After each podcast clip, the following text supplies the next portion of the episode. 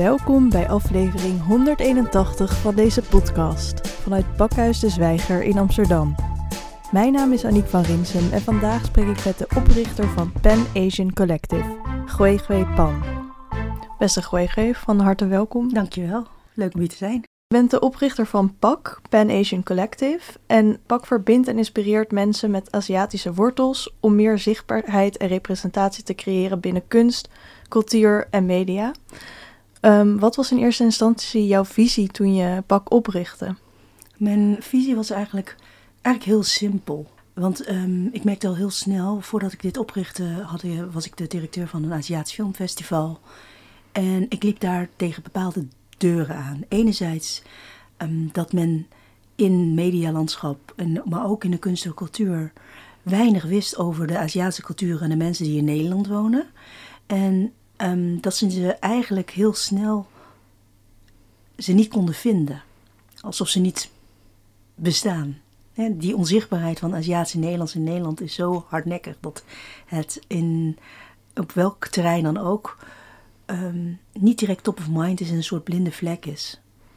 Dus um, mijn visie was om iets te creëren waar ik mensen mee kon verbinden, waar ik mensen aan elkaar kon voorstellen, waar ik mensen een podium kon geven om zichtbaarder te worden, maar ook het maken en delen van onze eigen verhalen. Ja, die verhalen die nu pas naar buiten komen. En als je het hebt over Aziatische Nederlanders en Pan-Asian Collective, waar kunnen we dan allemaal aan denken? Over welke groepen mensen gaat dat allemaal? Ja, technisch, als je Azië hebt, heb je natuurlijk van Turkije tot aan Japan.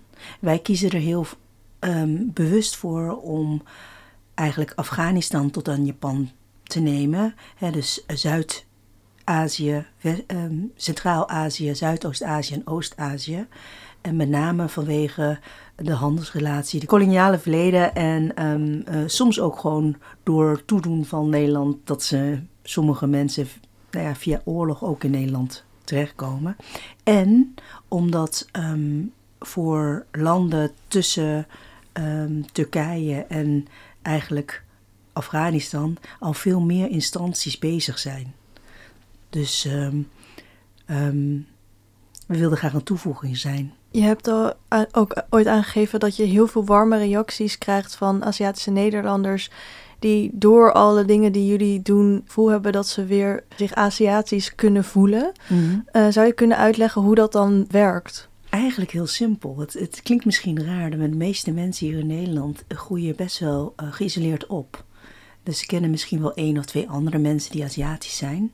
Maar het woord Aziatisch is iets wat nieuw is, dat wij um, heel bewust kiezen te gebruiken. Omdat we allereerst Nederlands zijn. We groeien op in Nederland, meestal zijn we geboren hier of komen via een andere weg hier. En jezelf het gunnen, de ruimte gunnen om Aziatisch te zijn, dat is eigenlijk iets nieuws. En dat merk je pas als je mensen tegenkomt die op jou lijken. En da daar komt eigenlijk ook tot representatie weer terug. De eerste keer dat je je in een omgeving vindt en je opeens beseft dat er meer mensen zijn die op jou lijken, een bepaalde ervaring delen waarvan jij altijd dacht dat jij de enige was, dat is heel erg um, krachtig. Heb jij zelf een ervaring, misschien vanuit je jeugd, waarin je dat uh, zelf hebt meegemaakt? In mijn jeugd niet. Toen ik klein was wilde ik gewoon uh, letterlijk zoals jij zei, blonde blauwe ogen. Um, dus dus uh, er, er was geen representatie van mensen die Aziatisch waren of zijn. Um, het meest krachtige voorbeeld die ik kan geven is eigenlijk van het afgelopen jaar. En dat klinkt echt bizar. Want ik ben inmiddels uh, wel een stuk ouder dan kind. en, maar uh, afgelopen jaar is pas voor het eerste keer dat ik me op het toneel mezelf terugzag.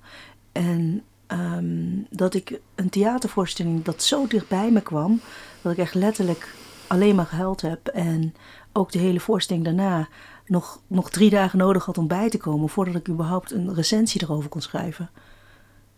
En die recensie was niet omdat ik per se een recensie wilde schrijven, maar meer een repliek op een andere recensent waarvan ik vond dat hij de plank missloeg. Omdat hij niet de context begrijpt waarom zo'n stuk zo belangrijk is en wat het doet. En de kracht van zo'n stuk niet zo afhangt van altijd um, dezelfde manier van verhalen vertellen, maar dat het ook impliciet zit in kleine rituelen, geluiden die voor een ander publiek dat hij niet kent, kenmerkend is.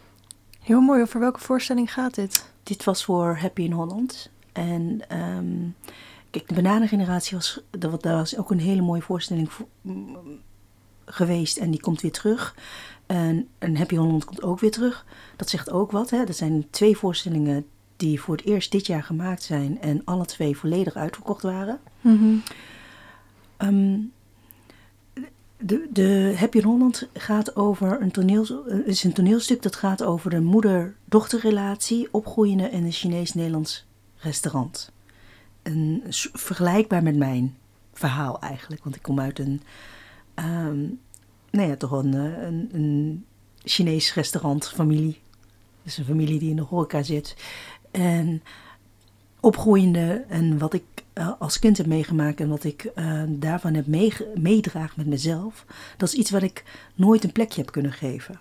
Hè, het begrip tussen hoe ik mijn ouders zie en hoe ik mijn moeder zie, is in een bepaalde manier vergelijkbaar met wat er in dat stuk gebeurt. Uh, en het zijn van die ongeschreven regels bijna, dat je nooit met andere mensen daarover hebt. En om het dan door een ander vertolkt te zien over die vragen waar jij zelf mee zit.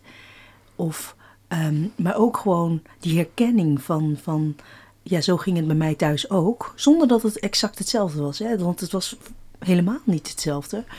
Uh, maar het was wel heel erg herkenbaar. En dat is zo krachtig. En het is raar om te zeggen dat, ik ben nu zelf 41, dat dit pas de eerste keer is uh, in mijn leven dat ik dat heb meegemaakt en, en hoe dat me raakt.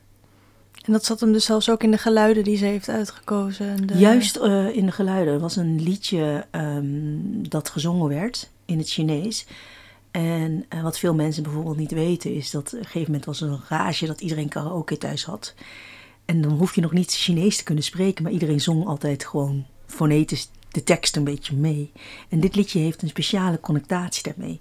En dat werkt als een soort trigger voor andere emoties die je eigenlijk weggestopt hebt. Je moet even je, jezelf of je lichaam uh, groeit door. Hè. Je, je, je hebt alles van het verleden eigenlijk achter je gelaten. Dus, uh, uh, ik ben echt zo hard mogelijk weggerend van mijn eigen cultuur. Mm -hmm. um, van het hele restaurantleven, van het Chinees zijn überhaupt. Het Aziatisch zijn. Ik wilde vooral me niet daarmee identificeren.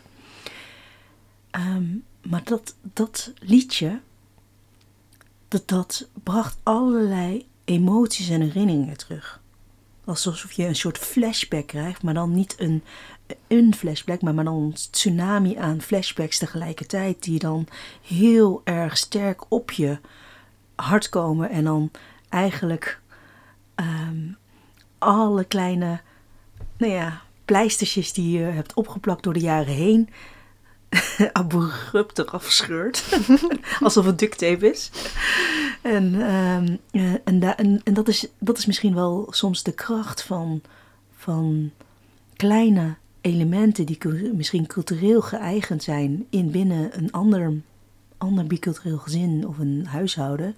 Die niet voor iedereen duidelijk is, maar wel voor mij en, en de mensen die zichzelf nooit zien. Ik vind het een hele mooie metafoor, omdat het, het afrukken van pleisters, dat is een pijnlijk iets. Mm -hmm. um, maar toen je het zo beschreef, hoorde ik of zag ik ook aan je dat het iets heel moois was wat er toen gebeurde. Dat, het, dat er iets los mocht komen uh, waar je eerst, uh, wat je eerst misschien wegstopte. Mm -hmm. um, en dat is natuurlijk waar je nu 24/7 mee bezig bent, uh, is om dit mogelijk te maken voor uh, andere mensen buiten jezelf ook. Hoe is dat om daar, om daar zoveel mee bezig te zijn? Het is, het is, het is een proces. Wat ik net zei van over niet Aziatisch willen zijn, dat, dat, dat besef dat je ook een andere identiteit met je meedraagt en dat je dat mag omarmen, jezelf die ruimte gunnen, dat is iets van uh, de afgelopen tien jaar. Daarvoor was ik er eigenlijk niet zoveel mee bezig, om heel eerlijk te zijn. En um, elke dag leer ik weer nieuwe dingen bij. En het mezelf permitteren die ruimte te gunnen, is iets nieuws. En ik gun iedereen die ruimte, de ruimte om er te mogen zijn. En die ruimte is iets eh, waar ik me steeds bewuster van word dat het zo belangrijk is dat iemand dat aanjaagt. Dat iemand zorgt dat er genoeg plek is voor iedereen. Waar ook wij onderdeel van zijn. En, uh, en dan hoef je nog helemaal niet met je identiteit bezig te zijn.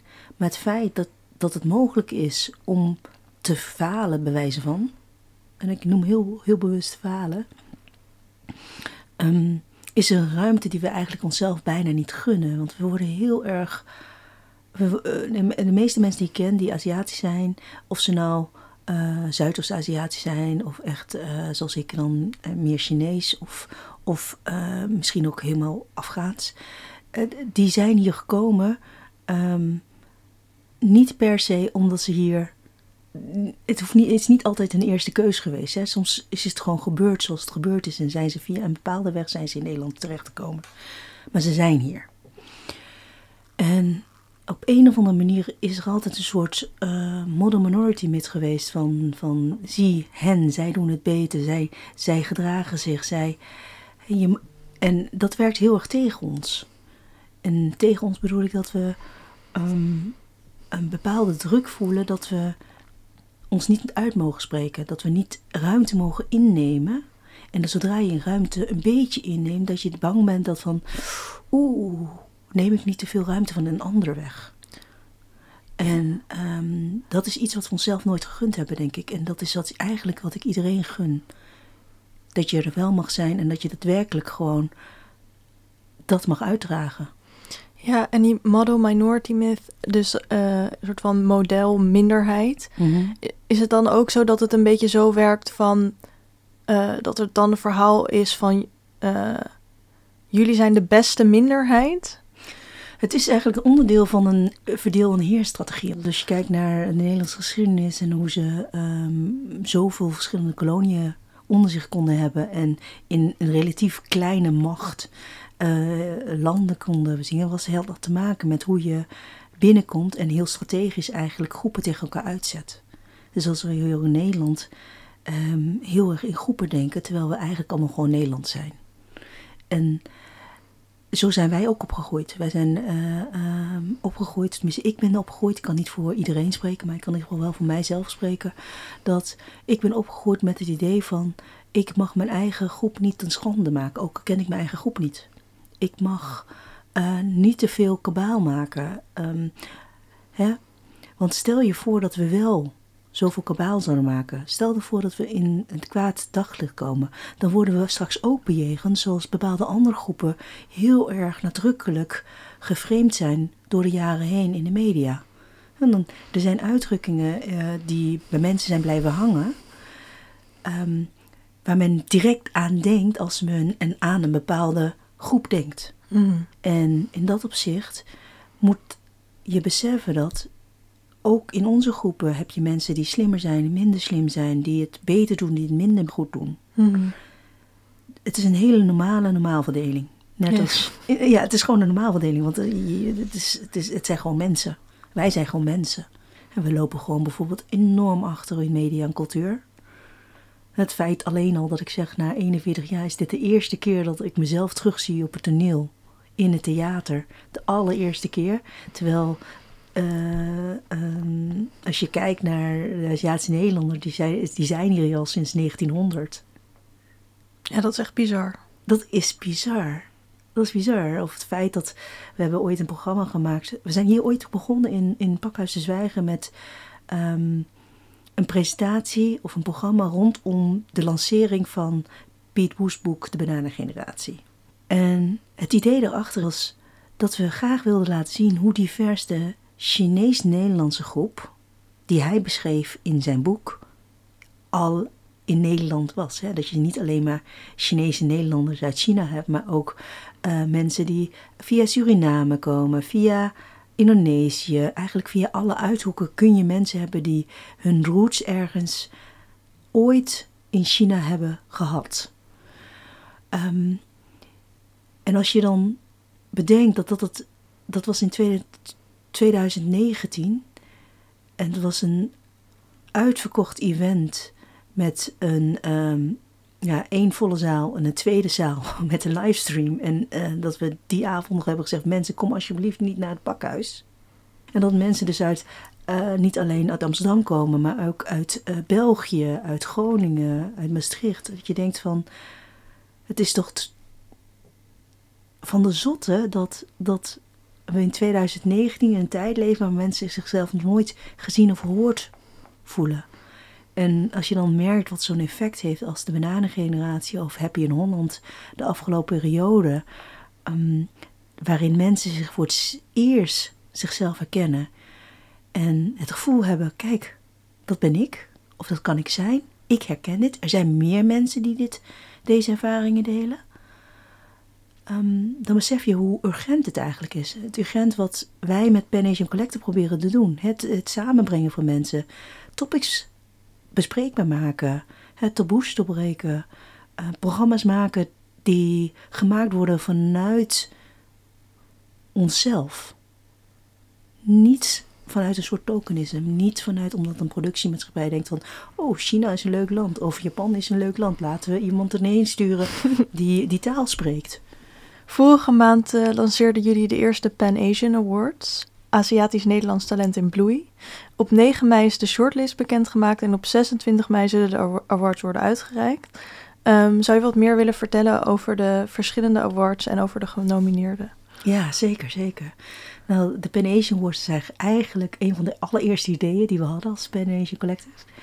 Uh, om, om een event te creëren om die rolmodellen die niet zichtbaar zijn, in één klap zichtbaar te maken. Hè, mijn stelling is, voor elke op één talkshow of welke andere talkshow kan ik hetzelfde programma vullen met mensen die Aziatisch zijn en diezelfde expertise hebben. al die mensen bestaan, zijn er, hebben die expertise, maar zijn gewoon niet zichtbaar. Dus, um, en wat we met de Pan Asian Awards willen doen, is, is enerzijds uh, vieren, ja, echt letterlijk vieren dat we dat talent hebben.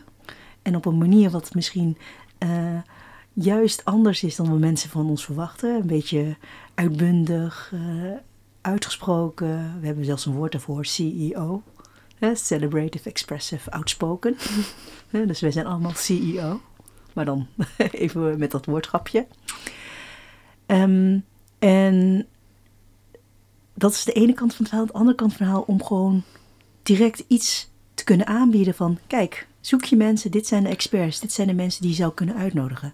we hebben dus drie awards. Eén is uh, Rising Star voor mensen die um, je zou moeten volgen. En dan, dat, dat, en dan hebben we de award Innovation Award. Dat is ook een woordgrapje. Maar, Wat is het woordgrapje? Uh, innovation. Dat is even een doordenken. Voor eigenlijk heel veel mensen die zich bezighouden met sustainability, duurzaamheid, innovatie, uh, op out of the box denken op een hele andere manier. En, en um, vooral niet zijn wat vaak mensen denken over. Ja, mensen hebben vaak heel veel vooroordelen over ons. En dat willen we eigenlijk met deze awardshow in één klap uh, doen vervagen. Van ze zijn heel divers, ze hebben allerlei verschillende achtergronden. Ze kunnen heel succesvol zijn, zijn goed in hun vak, zijn mensen die je eigenlijk sowieso al lang had moeten kennen. kennen en op je vizier had moeten nemen. Die eigenlijk op, nou ja, uh, in de kranten zouden moeten staan, maar ook op talkshowtafels, uh, in, in programma's mee zouden moeten draaien. En dan hebben we nog één categorie, de Pan Asian Awards. En dat is voor mensen die dus echt hun dromen durven na te jagen. Die dus uh, durf hebben, um, doorzettingsvermogen om iets te bereiken wat ze graag willen doen en, en daarmee hun impact maken. Want het is ook om succesvol te zijn in deze samenleving, zonder rolmodellen is dat gewoon heel moeilijk. Er zijn geen old boys networks waar wij ons in bevinden. Dus je moet zelf knokken om daar te komen. Ons thema is eigenlijk bloem, tot bloei komen. Laten zien dat je mag groeien, dat, je, dat, we, dat we dingen kunnen weerstaan. Maar ook gewoon vieren. Bloemen zijn ook daar om te vieren. Dan weer iets minder uh, feestelijks, maar wel ook een mooie ontwikkeling is dat jullie op 10 mei uh, samen met Asian Racins en Jong Lee en uh, Kai Ying-or voor het eerst een agenda tot manifest over de bestrijding van anti-Aziatisch racisme aan de Nationaal Coördinator tegen Discriminatie en Racisme hebben aange aangeboden. En een aanleiding hiervoor was dat in het Nationaal Programma tegen Discriminatie en Racisme 2022 anti-Aziatisch racisme amper uh, benoemd werd. Er zijn uh, vijf thema's in dit manifest opgenomen. Zou je daar wat meer over willen vertellen? Ja, um, we zijn heel blij dat het in ieder geval um, dit, uh, dit agenda tot manifest er staat. Ja, dat is een, ook een proces geweest van jaren om dit zo te ontwikkelen. En um, wat hier belangrijk is, is om te weten dat eigenlijk... We hebben vijf thema's. Dat gaat over zorg, welzijn, media en cultuur, onderzoek, arbeidsmarkt en onderwijs en educatie. En een rode lijn doorheen, door al deze thema's heen is enerzijds dat we veelal niet mee zijn genomen. Men is ons eigenlijk vergeten. vergeten. Ook gewoon letterlijk. En um, een, een, tweede is dat um, doordat we vergeten zijn, dat er we te maken hebben met gigantisch veel vooroordelen en, en verkeerde beeldvorming. Men denkt, uh, en dan komen we weer terug bijvoorbeeld over het uh, model minority discourse, dat we het zo goed hebben, of het zo goed doen, of zo goed geïntegreerd tussen twee haakjes zijn, dat er geen hulp nodig is, dat er geen vragen zijn, dat we um, ja, dat alles goed gaat. En goed is natuurlijk een relatief begrip. Hm? Um, maar zoals ik eerder zei, van, van, uh, ook in, in de Aziatische communities, de Aziatische, er bestaat niet één Aziatische community. De Aziatische community bestaat uit heel veel verschillende kleine groepjes die op een andere manier in Nederland zijn gekomen. Maar die veel al een uh, vergelijkbare cultuur met zich meedragen, maar ook um, soms in uiterlijk allemaal hetzelfde eruit kunnen zien. En bijvoorbeeld als je kijkt naar zorg en welzijn, um, omdat er geen rekening is gehouden met een andere culturele achtergrond, gaan daar soms dingen mis. Er wordt niet de zorg verleend die men nodig heeft. Op mentale zorg is het zo bijvoorbeeld dat het niet eens wordt opgemerkt. want mensen denken niet van, oh, jullie kunnen, jullie kunnen ook mentale problemen hebben. En dat eh, werkt twee wegen. Hè? Dus enerzijds vanuit de groep zelf is het taboe om het naar voren te dragen. Maar door zorgverleners wordt het niet gezien. Omdat ze eigenlijk niet bekend zijn met uh, bepaalde soort casussen. Waarbij uh, Aziatische mensen last van hebben. Omdat het anders weerspiegelt. Mm En uh, mediacultuur, ja, dat is heel simpel. we zijn nergens. We zijn zo onzichtbaar dat de meest bekende Aziatische Nederlander op televisie... met de meeste zendtijd een hofnaar is geweest. Een hofnaar als in, in, een meneer die uh, een rol moest spelen in Ik hou van Holland. En acht seizoenen zang, elke keer voor gek, ja, eigenlijk soort met voor gek werd gehouden. Mm -hmm. uh, omdat hij een liedje moest zingen en hij eigenlijk geen Nederlands kon. En dat is dan ons voorbeeld. Ja. Waar men ons mee vergelijkt. Ja, dat is uh, heel pijnlijk. Het is heel pijnlijk. Ik heb gewoon ook drie kleine kinderen. Dus voor mij is het ook zaak dat zij zichzelf terugzien. Want ik weet ook vanuit uh, de Ben Collective hebben we ook allemaal verschillende mensen die met ons samenwerken, maar ook uh, met ons werken. Um, ook al ben je derde, vierde generatie, het werkt door. Het werkt door als we niet onze verhalen delen. Als we niet onze eigen verhalen mogen maken. Maar ook wat je, wat je zelf benoemde, dat je op je veertigste pas iemand zag waarvan je dacht: wauw, ik herken me in diens verhaal. Mm-hmm. Dat je, ik kan me voorstellen dat als je kinderen hebt, dat je dan denkt: God, dat mag wel wat eerder. ja, maar ja, um, we hebben het altijd over van ja, hoe belangrijk het is, die spiegels en ramen, om jezelf te kennen. Maar de grap is, is dat ik het echt letterlijk pas uh, afgelopen jaar voor het eerst ervaarde wat het echt met je kan doen. En hoe pijnlijk het eigenlijk is om te beseffen dat het gewoon.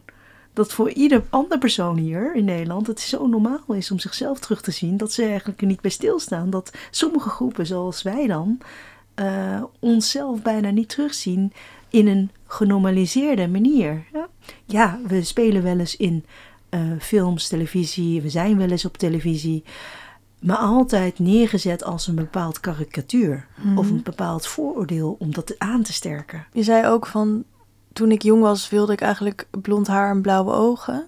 Ehm, hoe ga je daarmee om als moeder? Ehm, denk je daarover na van op welke manier je daarmee omgaat, mochten je kinderen daartegen aanlopen, tegen dat soort ja, wit willen zijn eh, ideeën? Ja, ze zijn er eigenlijk al heel bewust van. Zoals was, was het vorig jaar, ik denk het vorig jaar, het, ehm, dat mijn dochter ehm, bij Klokhuis een of ander programma had gezien waar men uitlegde over segregatie en dat mensen die zwart zijn in, vroeger in de trein niet bij elkaar mochten zitten, maar achteraan. En dat we dus eh, in het Amstelpark hier in, eh, in Amsterdam in zo'n treintje zaten en zij mij dan ook letterlijk vroeg, ja, hè, waartoe behoren wij ons? Mogen wij vooraan zitten of mogen wij achteraan zitten? En dan heb je het over een 6, 7-jarig kind die dat zo stelt. En je denkt van. Je wil liefst dat alle kinderen, en zeker je eigen kinderen, ehm, een zo onbezocht jeugd tegemoet krijgen. Wat je zelf ook graag had gewild. Je gunt het iedereen. Of, ze, eh, of, of je, nee, on- onafhankelijk van welke afkomst, onafhankelijk van welke socio-economische klasse je vandaan komt. Maar je wil eigenlijk dat iedereen dezelfde kansen krijgt. Want ze zijn allemaal, ze verdienen het allemaal en ze mogen het allemaal. En, het, en het, het, dat maakt misschien ook wel waarom ik me zo hard in, ja, inzet, omdat ik het zo belangrijk vind. Ja, dat is het ook.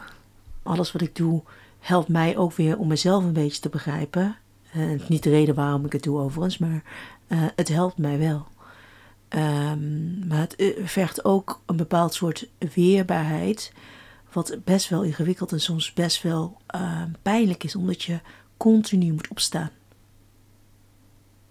En dat is denk ik wat sommige.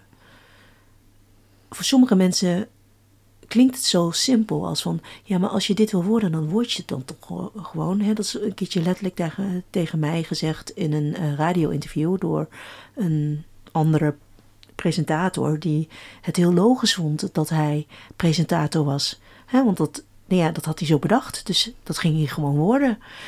Ehm, maar om dat te kunnen worden, om je, kun, om je voor te kunnen stellen, om iets te kunnen zijn, Mhm. moet je ook voorbeelden hebben of rolmodellen hebben dat het mogelijk is. Het, het sterkt je om iemand terug te zien die op je lijkt op een bepaalde positie, waardoor je denkt van als jij dat kan, kan ik het ook. Waarom een Camilla Harris zo belangrijk is, ook al is ze vicepresident en niet president.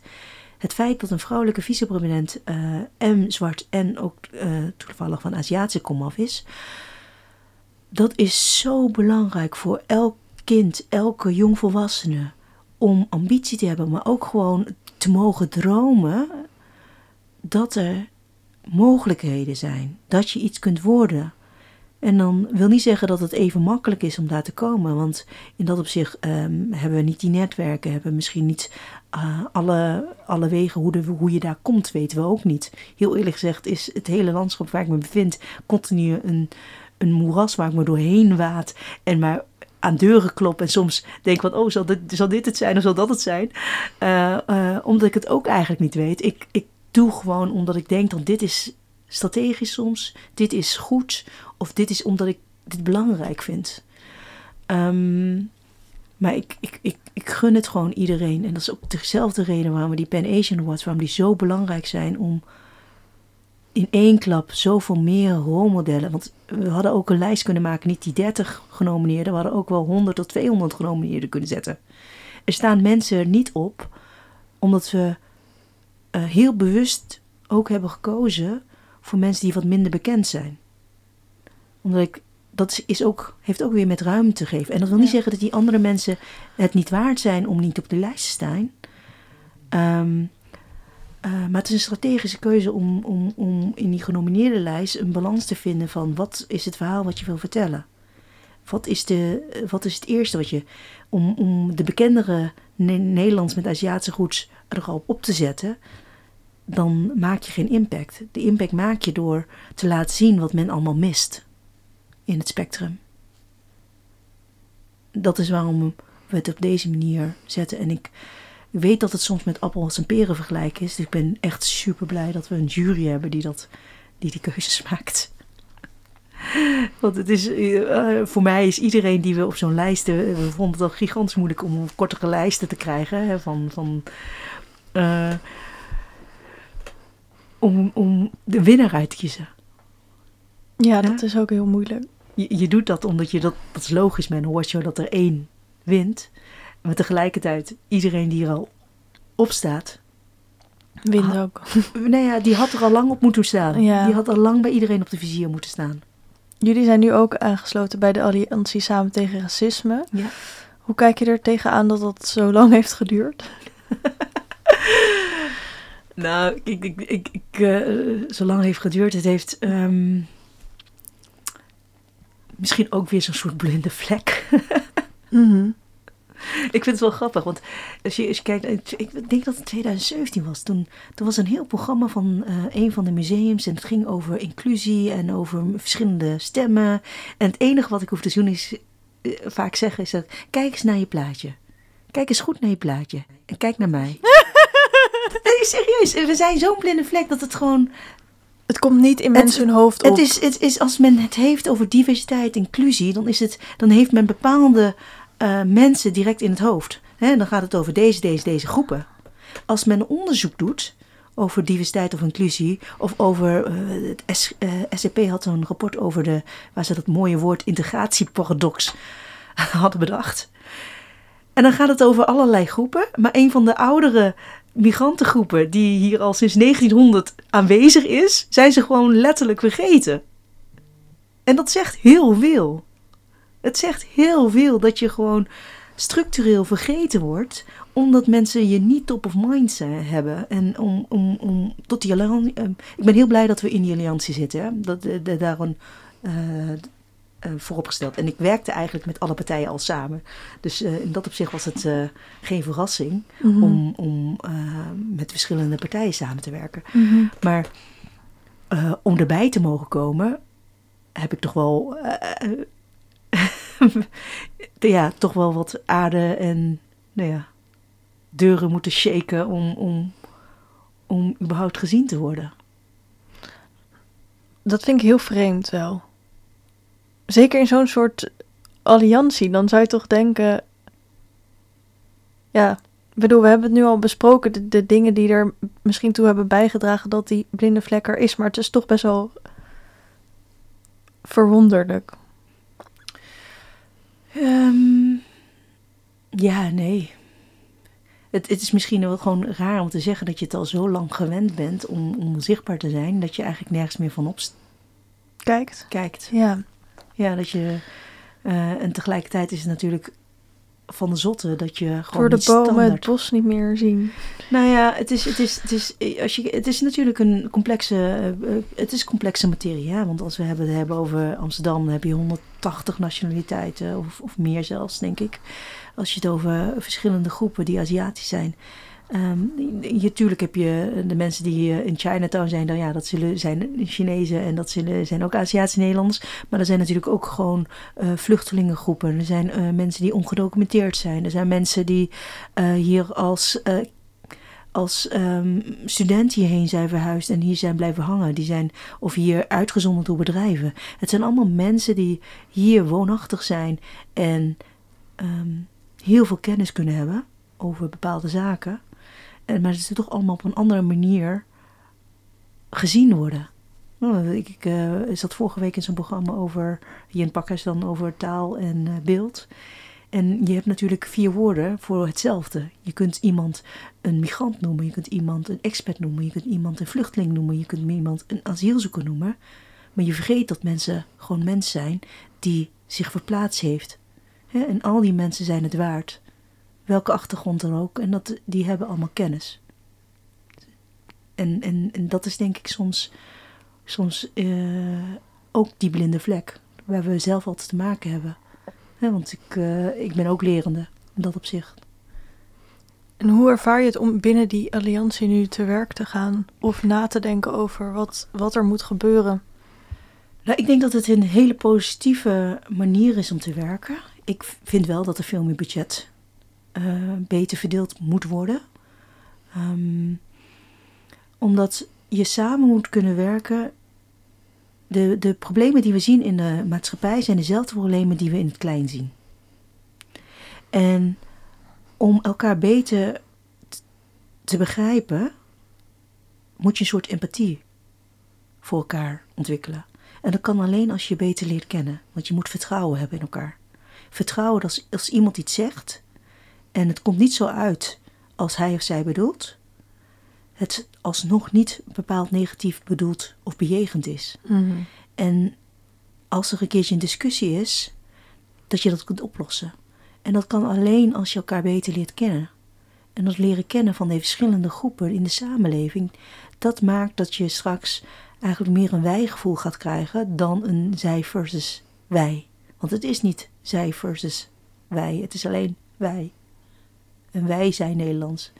En wij werken samen, omdat wij het allemaal belangrijk vinden dat we dat uitstralen. En, en er zijn al genoeg andere problemen die ook opgelost moeten zijn en worden. Dus. Maar dat mensen mensen zijn, dat moet niet het probleem zijn waar we ons mee bezighouden.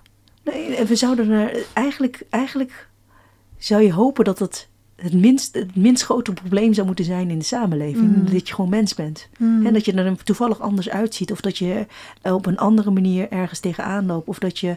Hè, want uh, elke intersectie heb je ook in elke andere groep. Uh, validisme heb je ook in elke andere groep. Uh, laaggeletterdheid heb je in elke groep. mensen die rijk zijn, mensen die arm zijn, heb je. Links en rechts heb je ook in alle groepen. Maar wat ons verenigt is dat we allemaal gewoon een persoon zijn die die geboren worden, veel met een blank sleet om zo te zeggen, en, en opgroeiende meer of minder kansen krijgen en gevoed worden door allerlei invloeden die onze beeldvorming conditioneren en dat bepaalt weer hoe wij met elkaar omgaan. Dus wat ik hoop dat we hier uithalen door samen te werken, is dat we, als we elkaar veel beter begrijpen, er veel beter voor elkaar zijn en met elkaar op kunnen komen voor de een. Als de ene het lastig heeft, zoals je net als je vrienden hebt en je hebt een groepje vrienden die kunnen heel divers zijn en eentje heeft het zwaar, dan ben je daar voor hem of haar. Moet je dat ook voor groepen kunnen doen? Want uiteindelijk denk ik dat we veel meer met elkaar gemeen hebben, maar dat we op zoek moeten gaan naar datgene wat met dat ons bindt. Ja? Of um, zoals we toevallig vorige week een stukje schreven over gemeenschappelijke taal. Dat het niet de taal is die we spreken, die per se leidend is, maar dat de taal kan zijn in, in kleine rituelen. Om elkaar beter te begrijpen. En dat die uitwisseling een van de belangrijkste is, omdat we als we niet als één kunnen zijn als mensheid, we andere grotere problemen niet aankunnen. Ja, men vergeet gewoon. Klimaatprobleem. Leuk en aardig, maar we hebben maar één aarde. Wat zijn voor jou de meest positieve ontwikkelingen die tot nu toe zijn voortgekomen uit jullie campagnes en alle dingen die jullie maken en doen? Um, ik denk dat we zo nu en dan gezien worden. En uh, mensen elkaar, uh, ons in ieder geval beter weten te vinden. Uh, ik denk dat dat heel erg belangrijk is. En je ziet ook bijvoorbeeld, we hebben, we hebben in het verleden ook gezamenlijk acties gedaan met de groepen samen. dat, zie je, dat zie je ook um, um, tijdens de verkiezingen, geloof ik. Een paar jaar geleden, toen de herverkiezingen nodig waren, dat we. Ja, ja dus we hadden, we hadden gezamenlijk een brief gestuurd naar de formateur destijds, en dat was Mariette Hamer.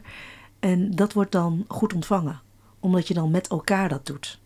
En als je dat met elkaar doet, dan um, heeft dat effect. Het is zoals de FNV ooit ontstaan is.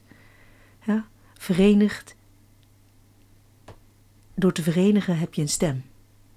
En we hadden een paar weken, nee, een maand geleden hadden we een dimsum sessie we doen dimsum sessies, dat klinkt wel grappig. Dimsum betekent trouwens ehm, uit het hart. Oh, mooi. En los van het eten. Het klinkt vooral lekker in mijn oren. er, was, er was ook eten bij hoor, maar, uh, maar, maar dimsum zelf is, een, uh, is eigenlijk, uh, betekent eigenlijk uit het hart.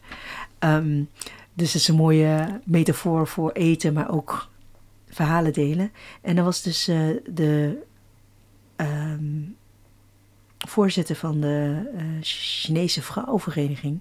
En dat zijn oudere dames, die al 20 of 30 jaar bezig zijn. En ze nam een boekje mee waarin een oud artikel in stond. En de titel, um, en dat is denk ik een titel van 20 jaar geleden, van Verenigde en uh, wij verenigen ons om mee te tellen. Of wij tellen mee door ons te verenigen. En dat is eigenlijk wat we nu ook nog steeds aan het doen zijn. En dan aan de andere kant, tegen welke dingen zijn jullie opgelopen? Um, wat ik altijd moeilijk vind, is dat je. Men is zo gewend in dit land dat je een bepaalde manier moet schreeuwen om gehoord te worden. Dat, dat je anders bijna niet serieus wordt genomen. En, en dat vind ik soms wel jammer. Want, want het hoeft niet.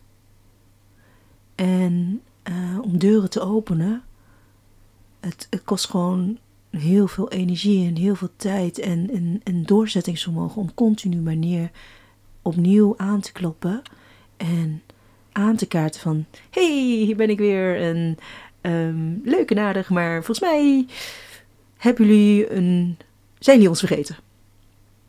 Ja, want dat is, dat, dat, dat is meestal aan de hand. Ze zijn ons vergeten. Um, terwijl de behoefte zo sterk is. Behoefte om onszelf te ontdekken, om onszelf die ruimte te gunnen waar ik het eerder over had. Ruimte te krijgen, ook ruimte zelf te geven en ruimte in te nemen, is, is zo belangrijk. Omdat we nog helemaal aan het begin bijna staan van zo'n emancipatieproces. We moeten zelf nog groeien. We moeten als collectief groeien. We moeten ons, onze plek in de samenleving nog vinden. We hebben in, in de afgelopen decennia zo weinig meegedaan in op welk vlakgebied dan ook, op, in welk vakgebied ook, hè, dat, dat we niet weten waar we staan. En die positie, om een positie te krijgen, betekent ook dat je ruimte moet innemen. Maar ruimte innemen vergt ook durf, moed, doorzettingsvermogen, maar vooral ook ruimte van anderen. Verbinding.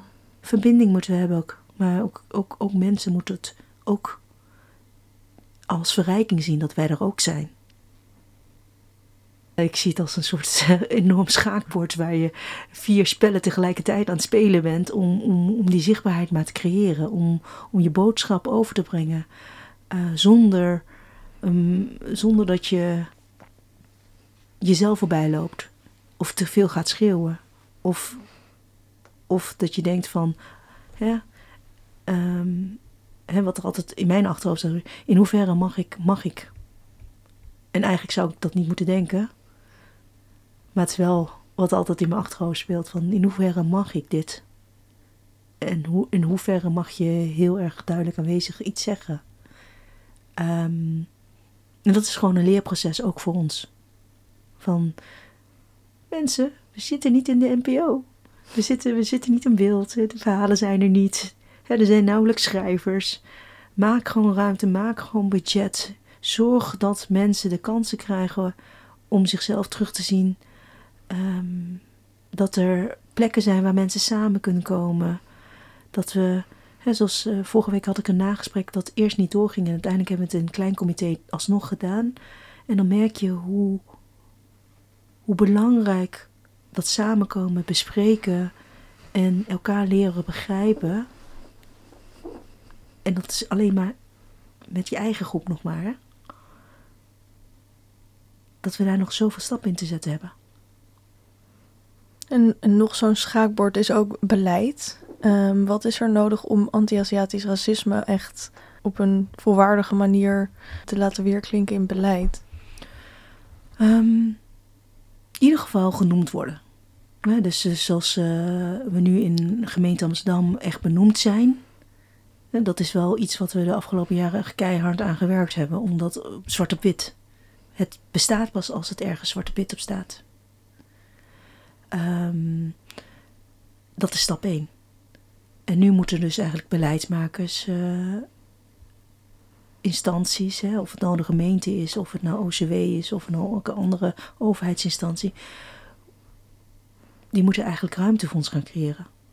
want ze hebben een bepaalde inhaalslag te maken, die je niet in één keer um, kunt maken, omdat we al deze decennia eigenlijk al vergeten zijn. Dus we lopen zo lang achter dat het eigenlijk een soort red race is, om het zo te noemen. Ik weet echt niet het juiste woord ervoor, maar dat, dat je bijna een soort. Je wil eigenlijk één grote sprong eerst maken Mhm. om, om wat gelijkwaardiger op te kunnen trekken.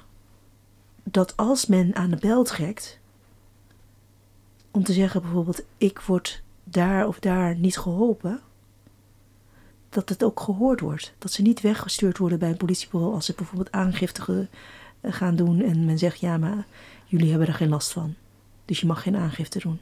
Of dat men denkt in een zorgverzorgingstehuis van: ja, uh, we staan je niet, dus ik, we slaan je wel even over. Wow. Het, is, het is gigantisch belachelijk, maar het is wel wat ik terugkrijg uit de samenleving. Dat iemand die tolk, haar grootste frustratie is dat de mensen voor wie ze tolkt, als zij er niet is, niet geholpen worden. En zij doet dat tolken vrijwillig. Terwijl het niet aan de taal ligt om iemand te helpen. Het ligt aan of je wel of niet er open voor staat dat taal geen barrière hoeft te zijn. Taal en cultuur hoeft geen barrière te zijn om elkaar te kunnen helpen. Taal is alleen maar een communicatiemiddel. Een, ja. communicatiemiddel, niet eens het communicatiemiddel. Ik zeg altijd, mijn, over, mijn, mijn opa die ging de hele wereld rond. Die reisde overal heen zonder een woord te kunnen spreken, behalve Chinees. Hij was analfabeet en leerde pas later zichzelf schrijven en lezen. Maar sprak geen Nederlands, sprak geen Engels in eerste instantie. Mm -hmm. um, maar die durfde wel overal heen te gaan. Want hij zei altijd: